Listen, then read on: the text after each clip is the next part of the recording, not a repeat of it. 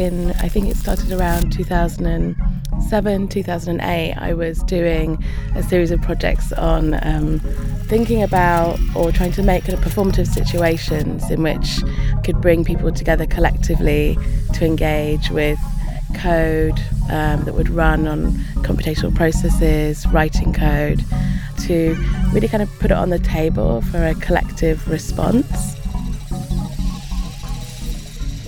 And as part of that work, I was doing a, a kind of a series of instruction pieces.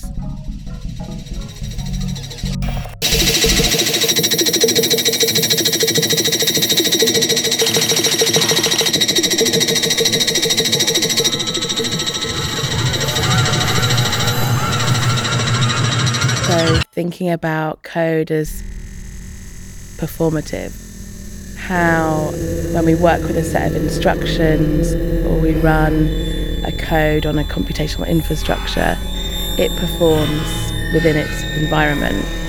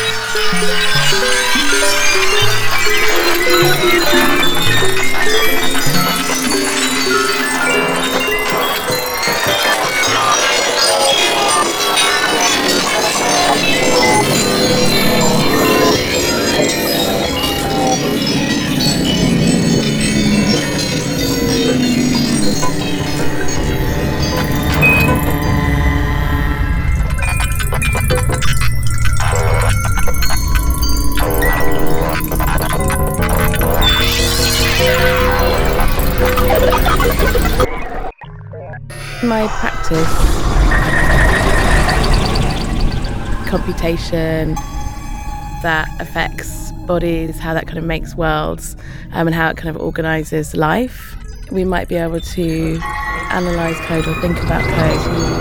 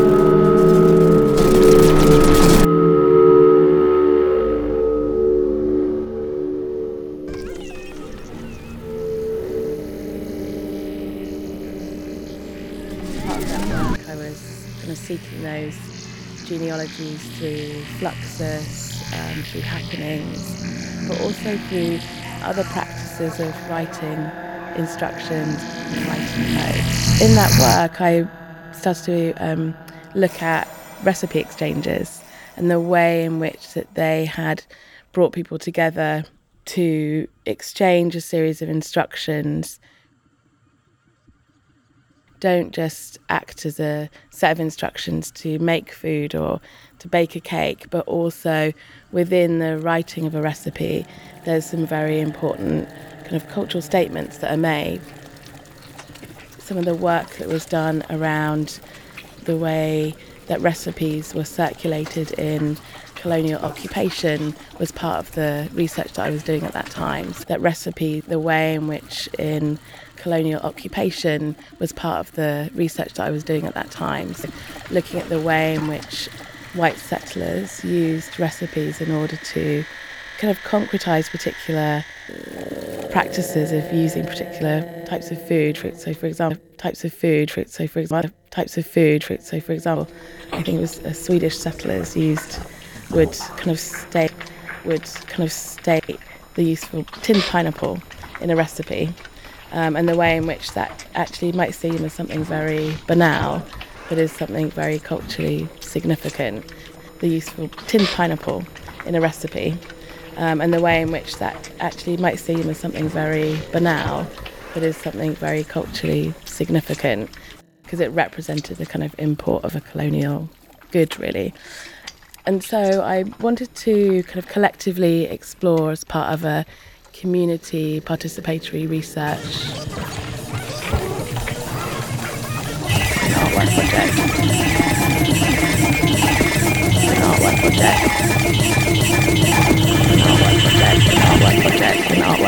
Now, through working through um, exchanging recipes to think about the kind of creative and performative force of instructions. So, in part, it was a way to wo- open up how computation works to people who perhaps just saw computing as like a black box. To open up that process, to demystify it, which then could perhaps allow a kind of hacking or um, a kind of democratic approach to discussions about code and computation.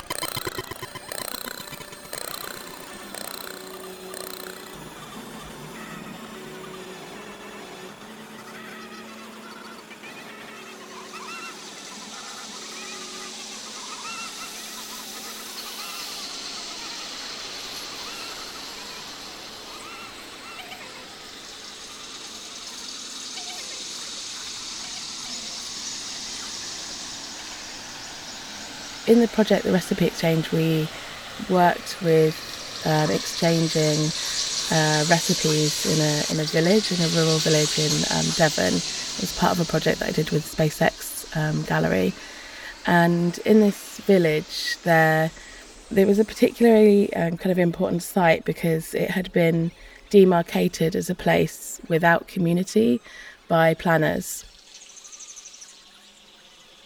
it was going to be heavily developed, have a kind of large industrial development take place. So the recipes that we collected during the project were also a kind of evidence making of the creative activities in the communities that were inhabiting this village.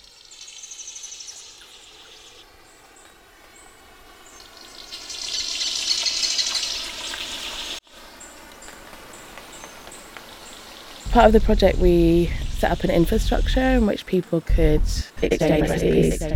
Um, um, but not, not just recipes for food, but for activity any type of activity that they brought to a specialists collectively perform recipes together in an event. We would collectively perform these recipes.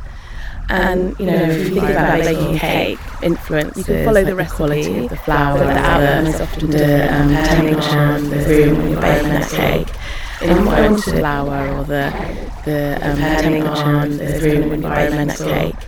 And what I wanted to do was to kind of open up a discussion about temperature of the room baking, baking that cake. And what I wanted to do was to kind of open up the discussion about um, similar texts where in that case will process a set of instructions to run a process, whether that's making an image that are written and then displaying a document for us to type in the machine, analysing a data set. So a set of instructions that are written and then get executed, to get run on the machine.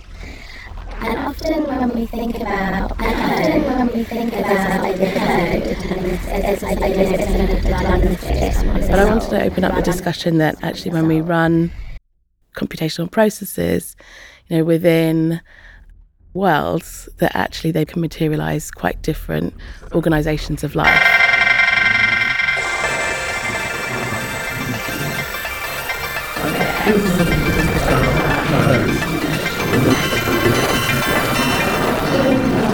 To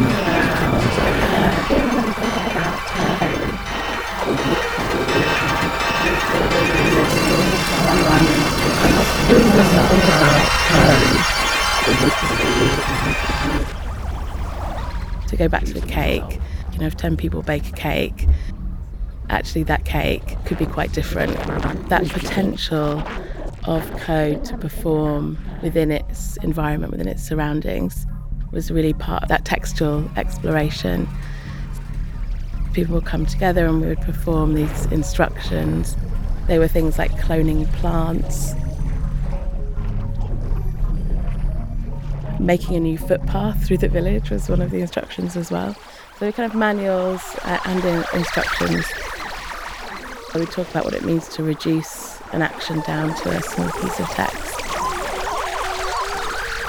And the process that takes place when you write code. Um,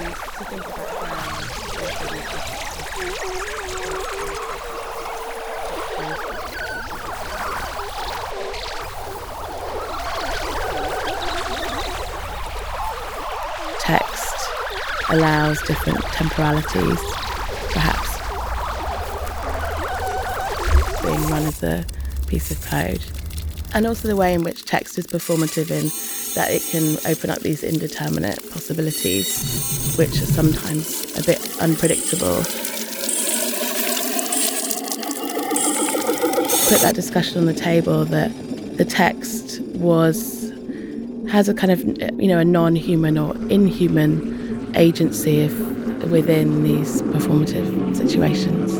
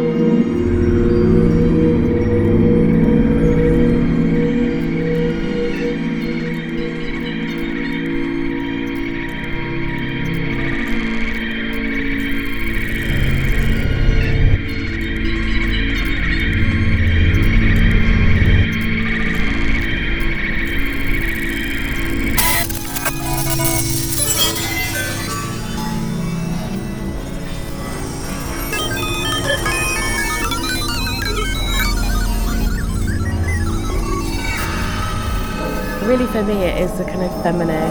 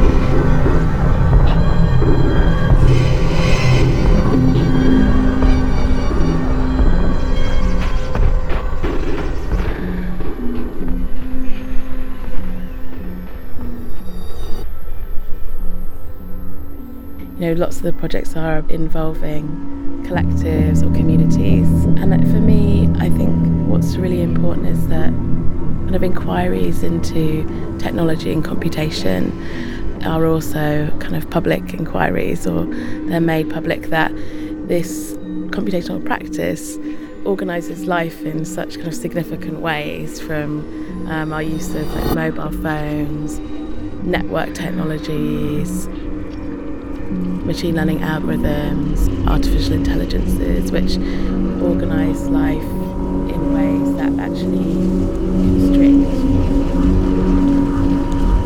the limitations on, on how we live our lives and who gets to have a life. That question seems to be very important to be a question that needs to be interrogated collectively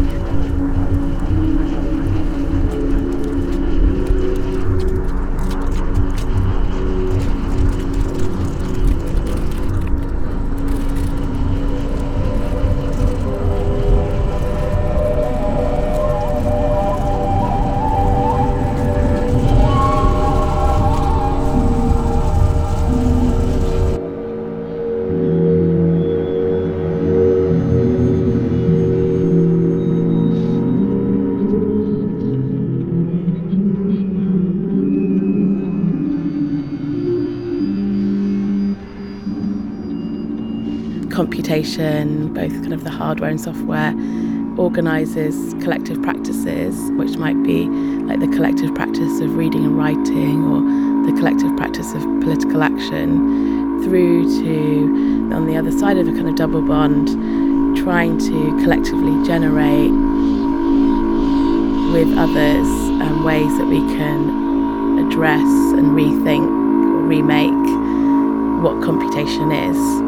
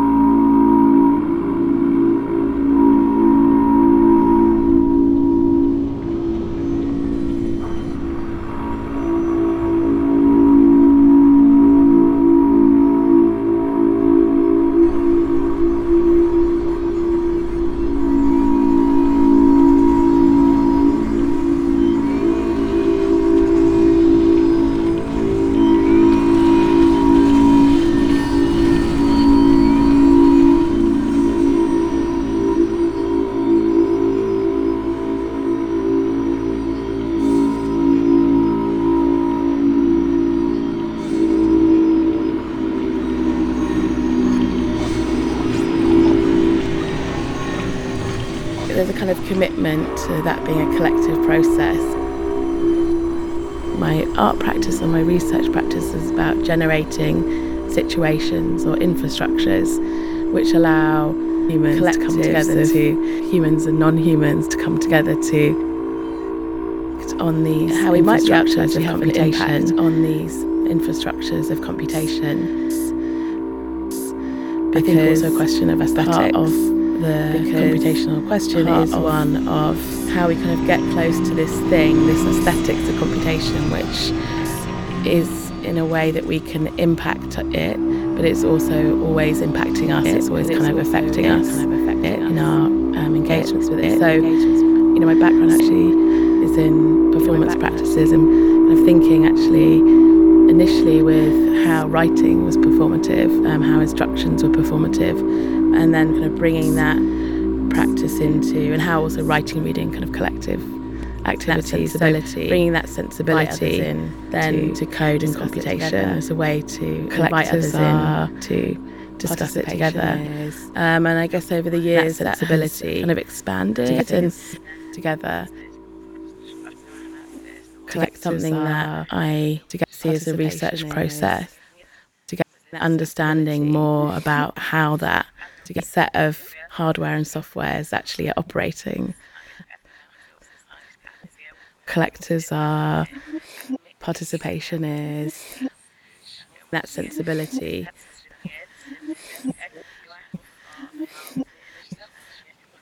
Some of the work that Winnie Soon and I have done together on practices of reading and writing in the network. How is it kind of entangled with corporate processes? How was computation itself actually working on the ways in which we could read and write together?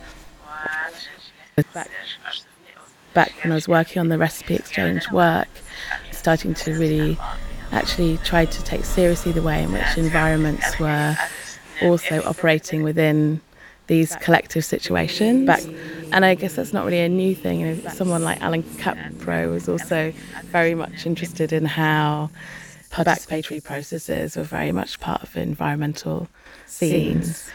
You know, part of my, it's like my political interest in setting up these participatory infrastructures is, you know, who gets to say what in these scenes of uh, discussions on computation.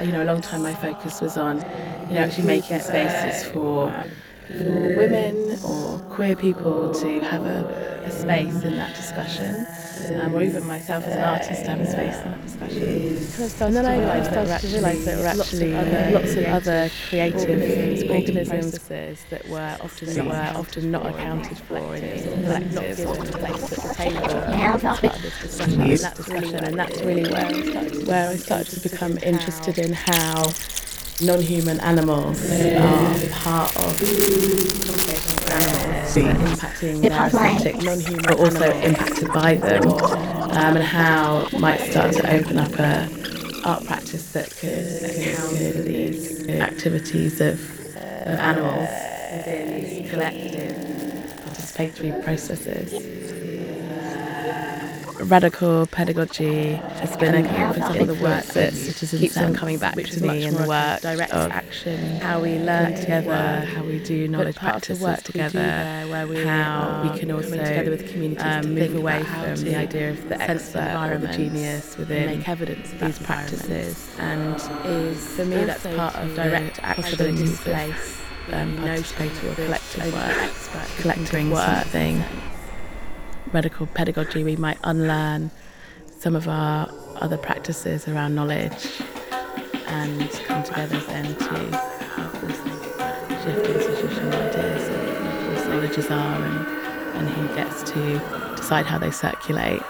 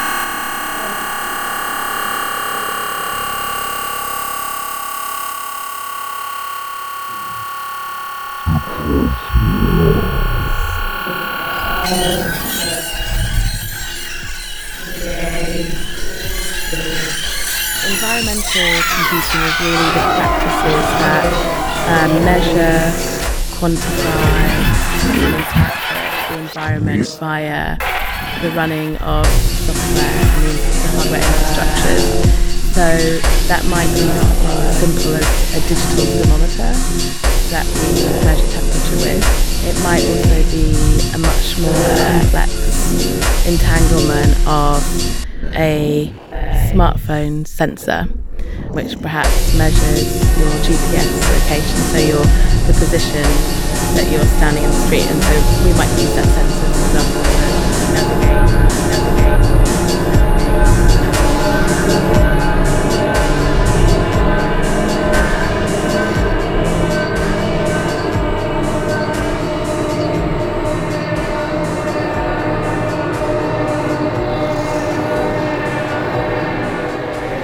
Technologies and processes are part of the way in which we use computing to understand or make decisions about environments or nature. I say that with uh, kind of inverted commas. They might include things like sensors. And so a sensor is something that it might be an electrical component or it might also be an electrochemical component. They also include things like satellites, data warehouses, server farms, the internet, mobile phones. Environmental computing might be something which is quite everyday that we're actually doing all the time.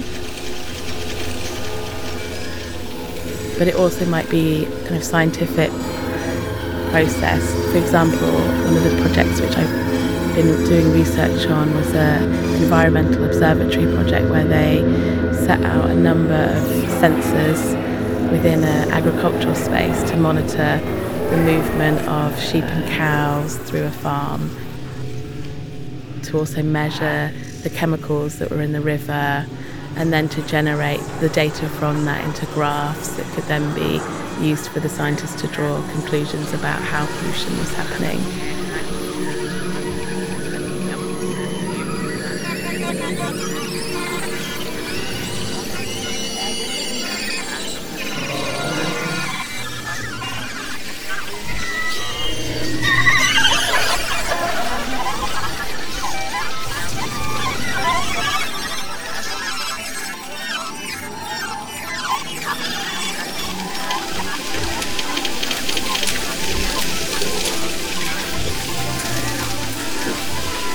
Environmental computing, even though it's something um, perhaps which isn't often discussed in everyday spaces, is something which we're quite involved with. Environmental processes, but also that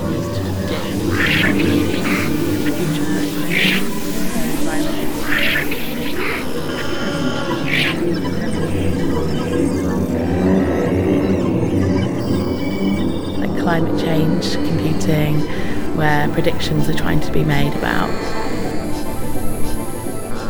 the future of environmental processes.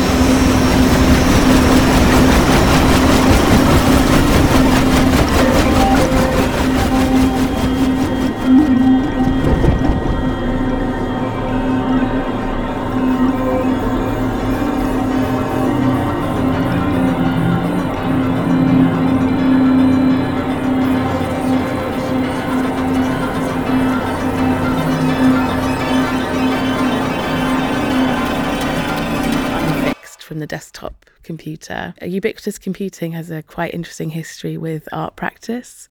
Natalie Jeremijenko made a piece of work which is really often cited within computing papers. So, what artworks have actually had an impact? The Dangling String by um, Natalie, made when she was in residence at Xerox PARC in Silicon Valley, there to think about the interface of the computer. So, the piece of work she made was a kind of simple piece, but quite profound in a way. A piece of string it's hung up next to a water cooler or a meeting coffee machine, and that piece of string would move when any data was flowing over the network.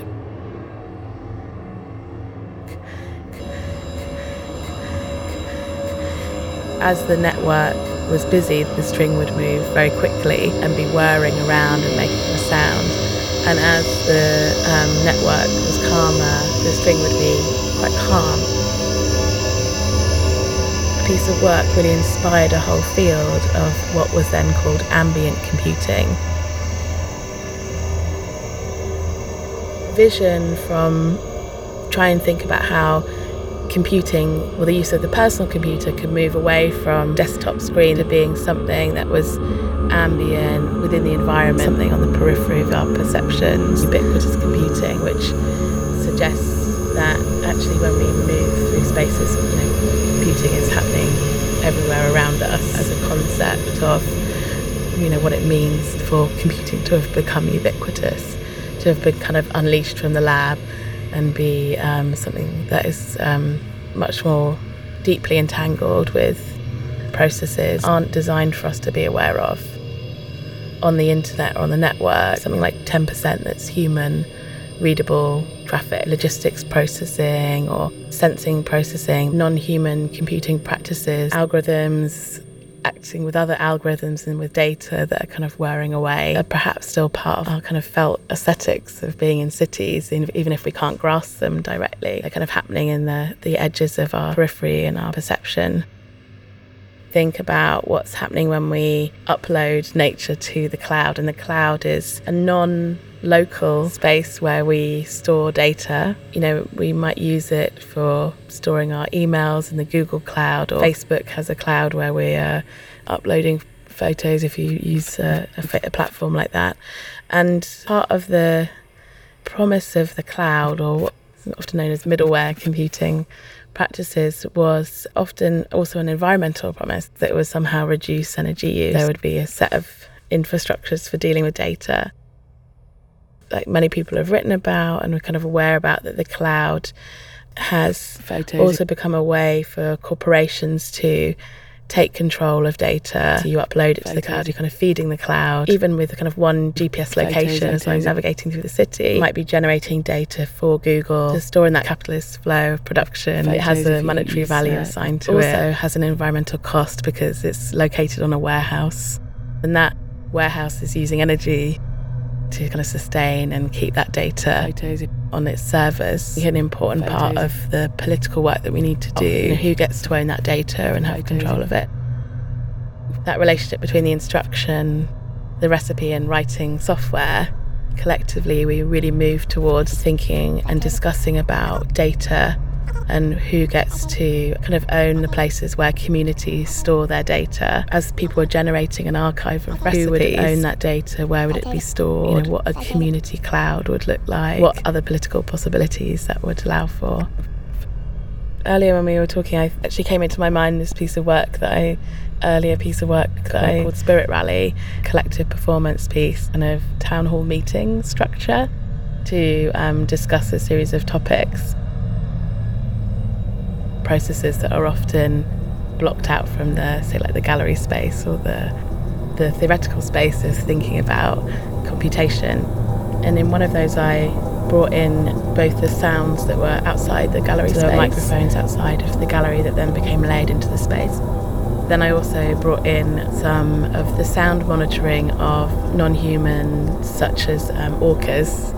Globally, there's many different hydrophone networks that uh, monitoring in real time the orcas' sound and movement. There's a huge kind of uh, amateur community around the orca hydrophone networks. the orca, the killer whale, was kind of entering into the internet and actually, you know, sort of spreading spatially of hydrophones into the internet and listen to in this citizen science practice. People would log on to a, a website and listen to the the orcas, listen for long times until they heard something and then notate that. In Spirit Rally, part of the collective work was a kind of listening, part of the agenda to listen to the network of orca sounds on the network, non human animals, and their relationship to the network, especially, or the internet, especially, the Animal Hacker Project. The project started with this kind of residency environmental research council project. I and guess when I started the project, I actually was thinking about, you know, how could I open up this scientific monitoring of the environment to the community who was living there, and how could we kind of work with the data that was being produced? Much more of a kind of DIY community science project. But as I started to um, work on the project, there was um, because in in that project they were really looking for um, why the river was polluted and what was um, leading to that river being polluted. And part of their focus was on the animal movement through the farm. But the animals were never, even though they were in a way the kind of protagonists of a lot of the pollution process, they were very much sidelined. And I realised actually that they were quite significant participants in this project of environmental monitoring, but often displaced or, or kind of ignored in the discussions. And there was a really um, great moment where one of the scientists on the project invited me to her office and said, I need to show you something, some of the results from the data. I think you're going to be really interested. They'd set up a camera to monitor the sheep moving from one end of the farm to the other end of the farm. And what they wanted to do was to see you know, when the sheep go through the river, is there a spike in the pollutant to try and understand that relationship. And they had monitored the river for and they had taken the photograph every minute or every 30 and seconds. And they knew that the sheep crossed the river twice a day to get to. When they had downloaded the photographs, they were all empty apart from one image where a sheep was dipping its toe into the river, and somehow the sheep had evaded the monitoring of these photographs. And the scientists were kind of bewildered because actually it completely just, you know, it meant that the study for them was something you know that they couldn't use, but sheep were kind of resisting this technological infrastructure that had been laid down for them. Actually, you know, how we think about these computational infrastructures, the way that they're often designed is that every humans and non-human animals are going to be compliant to them and going to be available to be monitored. But actually, the creative practice of the sheep has sort of avoided the camera, you know, for such a long period of time. And, you know, still to this day, bit baffling of how they avoided being captured by the. So they kind of became important figures for me, kind of like resisting uh, of a non-human animal that can avoid being monitored. What it would have mean if to take seriously over the rest of the work, what practices in designing computational infrastructures, the liveliness of non-human animals as participants in computational themes.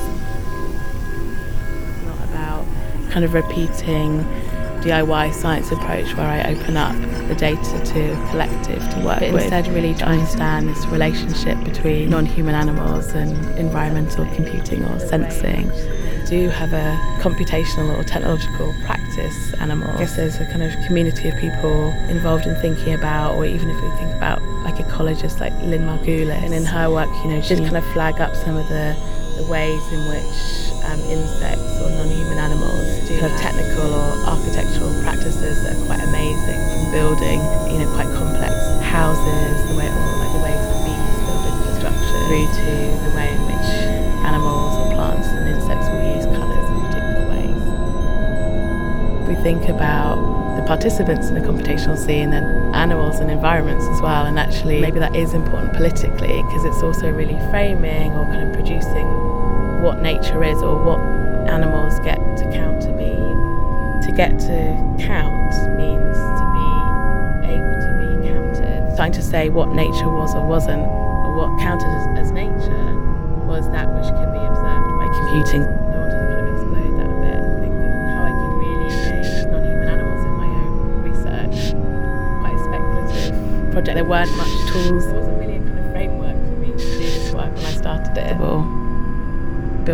Working on the, the edges of what was sensible, building on a rich genealogy of work from people like Donna Haraway, Myra Hird's work, Lynn Margulis' work, Kathryn Yusof, and Jennifer Gabrys's work from non-human geography, the impacts of um, non-humans in science. Cows and the cattle in this monitoring were often quite excluded from the discussion, but at the same time, they were quite free to kind of like wander around and do their thing. There was something about the way in which my role as an artist in this scientific project was a little bit like scientists that, involved in the project had very clear tasks that they needed to do for the project.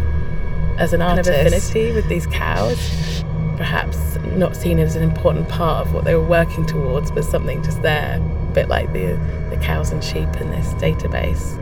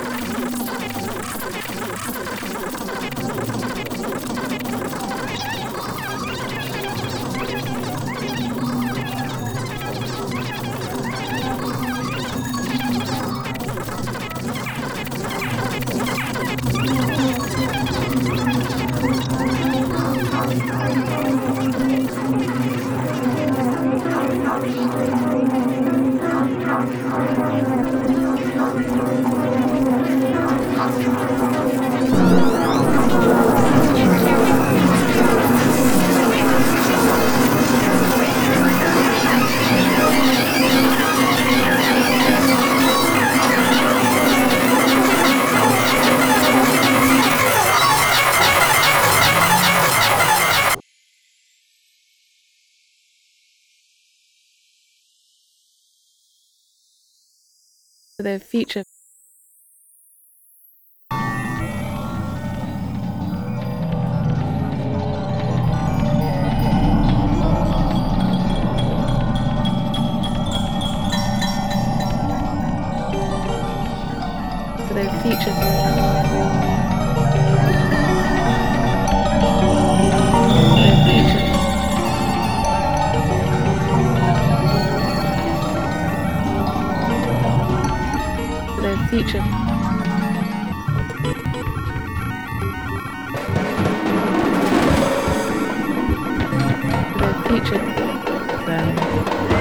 invitation from three geographers Kathryn Yusoff, Beth Greenhough and uh, Jamie Lorimer.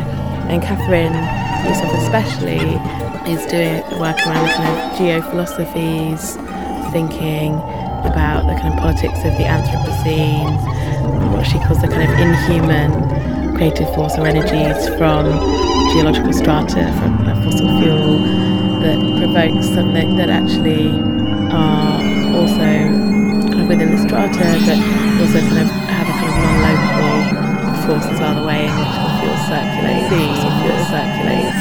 So they also have this uh, fantastic magnification that um, for a group of people working together kind of imagine imagine the geographers imagine a kind of post-human extinction scene that somehow could happen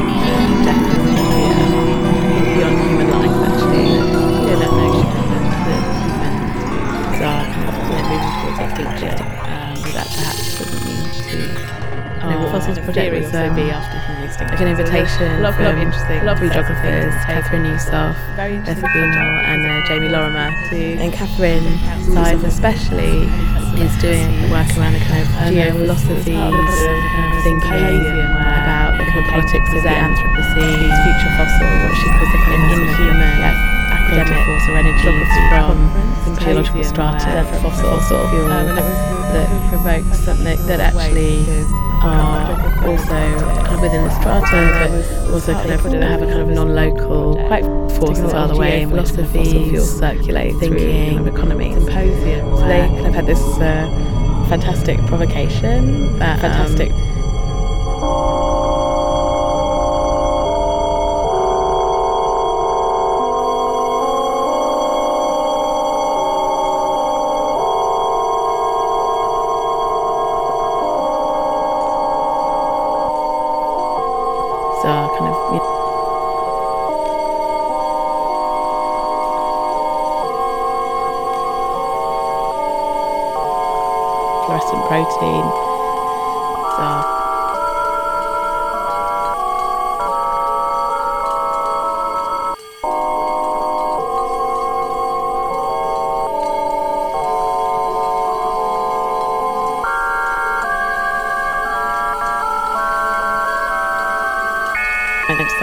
fiction rendering of, of the experience of finding a fossil.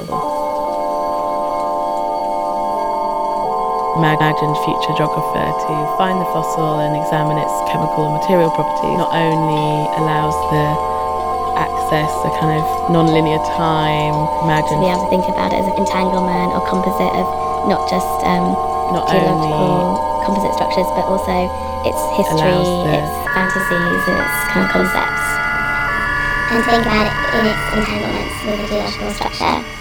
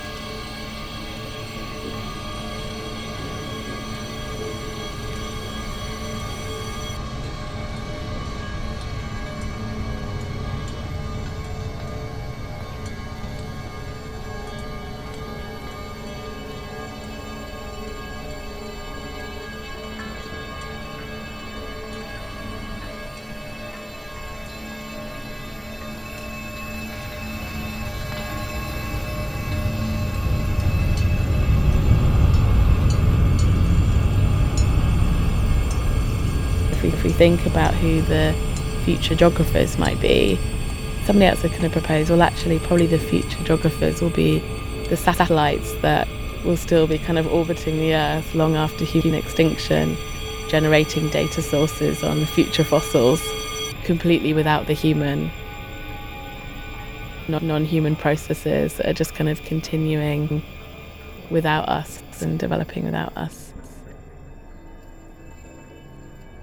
You know, what, what would it be if we think about how we describe a fossil of trying, you know, what, what would it be if we think about how we describe a fossil of trying to, I guess, like bring in some of that metadata of Donna Haraway as a kind of geological layer, as a layer of its own scientific processes. The protein as being a kind of future fossil is because of its because it is a synthetic protein. It is very much something of the kind of Anthropocene era human project of fossil fuel economy processes. The object of the Anthropocene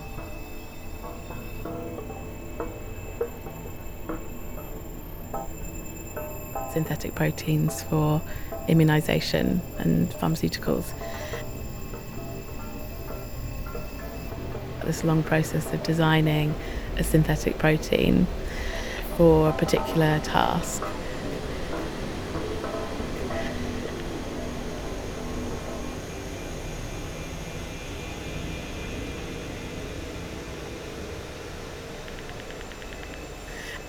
The alpaca was much more um, able to produce the protein than the kind of synthetic protein process that was undertaken. And I just thought that was such a nice moment of, uh, of non-human animal creativity, really, within um, this protein fuel produ- production.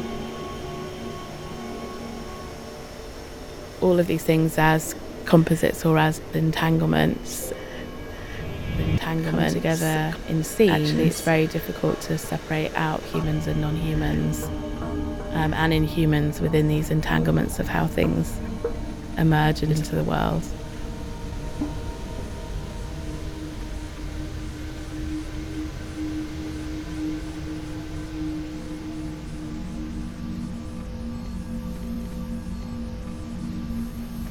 Uh, one of the, the projects that we worked on was um, to work with communities that were affected by pollution from fracking, so from the extraction of uh, natural gas.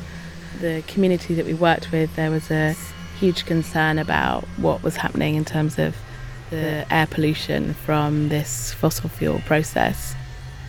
When we started that project, we were in some ways also quite interested in how sense making of environments might be also done in, in different ways than particular types of like generating quantified data sets. Um, but actually, the communities that we worked with, they really wanted to generate what they described as hard data so that they could take that data to their authorities, to governmental figures, and be able to use that as a kind of evidence making process.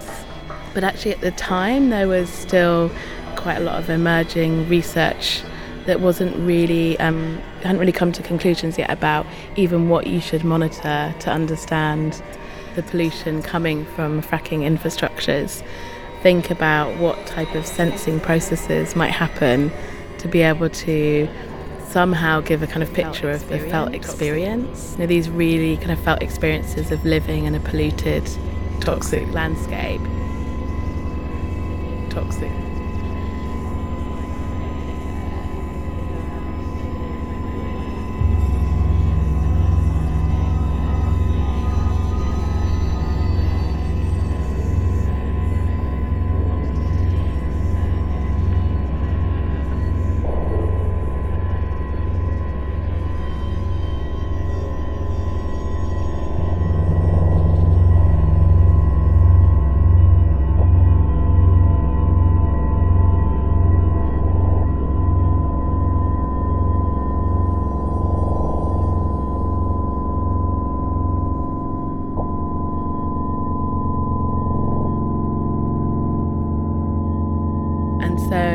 Um, over a course of about two years, we worked with a community um, group in Pennsylvania in America, in an area which is really, there's been a lot, a quite established history of fracking then. They started fracking there in 2008. Compared to Europe, it's a very kind of established industry. This group had come together and they had, you know, tried to do a lot of kind of DIY monitoring and there were many kind of health concerns, ranging from asthma to heart effects to anxieties around what was being produced. And to kind of develop a low cost sensing kit and also a kind of community infrastructure. The residents um, and the people who were affected by this pollution could start to, to monitor and collect data about their environment And at the same time, we also really wanted to hold this tension. The technology itself was in part generating the vision of what that pollution was. It wasn't a kind of neutral process of just discovering data out there in the world. And also, this kind of feminist technoscience, the non expert being just as valid to kind of interpret that data or to generate that data expertise became quite interesting in that sense making process. There were quite a few tensions around that. Some of the community really wanted us as academic researchers to be the expert who could legitimize their claims of experiences of pollution. But we, for a start, we're not atmospheric scientists, so actually, you know, can't really make that claim of expertise.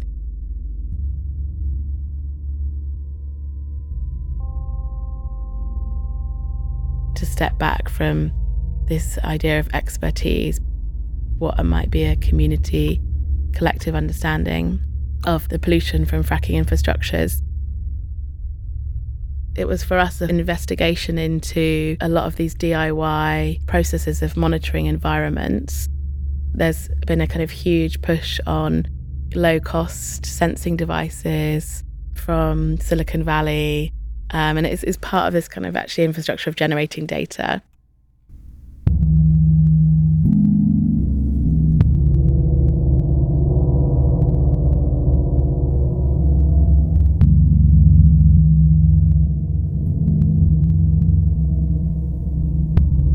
When we started to generate the citizen sensing pollution kit, we also tried to also like hold the tension that okay, there's things that these digital sensors also can't, you know, won't be able to pick up. You know, this isn't a kind of the only picture of the environment. So we encouraged the people that we work with to keep logbooks, to actually find other ways also to document alongside the digital sensing devices, whether that was through photos, videos, feelings, experiences, to try to provide a much more kind of richer picture of what was happening. It is a kind of story of like the possibilities of pollution. computation to for us to be able to understand environments in ways that we can kind of reclaim and that perhaps are a bit more hopeful. Over the course of a year, the residents collected data about the particulate matter pollution coming from fracking infrastructure. Through that being collective and also spatially distributed, through that network that they actually generated a huge amount of data from um, running these devices in their homes. And then at the same time, they were able to then corroborate that data with the kind of stories of lived experience, shifting this idea that you can just kind of monitor from afar and understand these very complex scenes bring attention to if you are kind of inhabiting and living in these scenes think about computation, the digital is just part of that, not the only part of expertise. As a kind of constellation, you can actually start to create a body of evidence around something that's happening. We started to look at that data, and actually, at the time, there was a real sense of urgency from the people who were doing the monitoring. Use this data to have an effect, to bring about some regulations or stop fracking. There was quite a different things that people wanted. And before we had even been able to start to build like a data infrastructure for the data to come into, some of the residents took some of the data and put it into a kind of Excel sheet format spreadsheet and started to see there were some patterns in the data that could be very useful to look at. Think about what kind of data infrastructure we could build together so that the members of this community could do their own data analysis. There's been quite a big move to communities collecting environmental data, but there's been less work actually done around okay, if you collect that data, then what do you need to do to actually be able to analyse it and to draw decisions from it? The collection just becomes a kind of labouring process, and then that data needs to go somewhere else where it just the energy just kind of disappears into nothing. We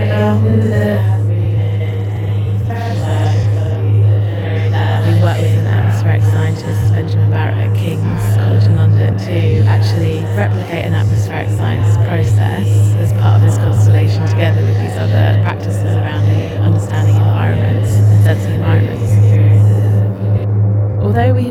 to be really careful together of not trying to offer technology as the solution to the problem, what did emerge was actually a really quite strong pattern of pollution from the fracking infrastructure rendered legible as evidence within atmospheric science, as well as perhaps our own practices of interpreting that. Powerful data set that communities generated there hasn't really been any professional scientific studies that have generated that much data that was spatially distributed about fracking infrastructure. To use that to then take it to the health agencies, the Department for Environmental Protection, and put that on the table as part of the evidence of these kind of lived experiences of pollution from fracking up on the table. Quite an important part in the kind of history of uh, environmental monitoring of fracking is that the agencies involved, the EPA and the DEP, actually did recognise that there might be actually an issue of air pollution from fracking from this data set. Someone from the Public Health Agency also then sent down scientists to monitor that area, and their monitoring corroborated the residents' monitoring. Working through the scientific protocols actually was quite beneficial alongside this other evidence. What we realised is that we need to draw in these storying processes. Together we generated a set of data stories, which did include the kind of stories of living with these infrastructures alongside the data sets in itself could be then kind of like mobilised to have much more of a political effect than a scientific report and enable it to circulate much more widely to tell this story, both with kind of quantitative of like qualitative data about these experiences. That did lead to the agencies actually implementing now a monitoring of air pollution in that area to start to build their own kind of evidence around what's happening. Felt like a really big achievement at the time, I think, for us all, that environment agencies actually realised that what people had been saying for a long time, they felt there was an air pollution effect from fracking was actually taking place.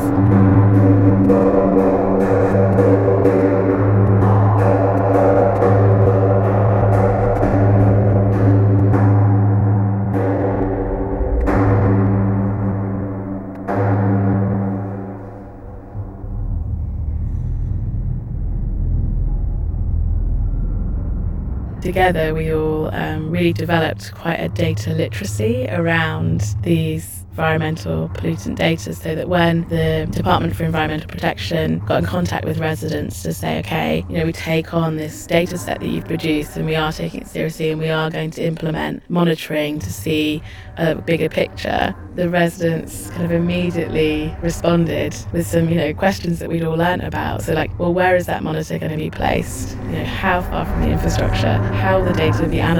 Because actually the, anal- the analysation itself can create stories quite differently, how we use other types of evidence together with it.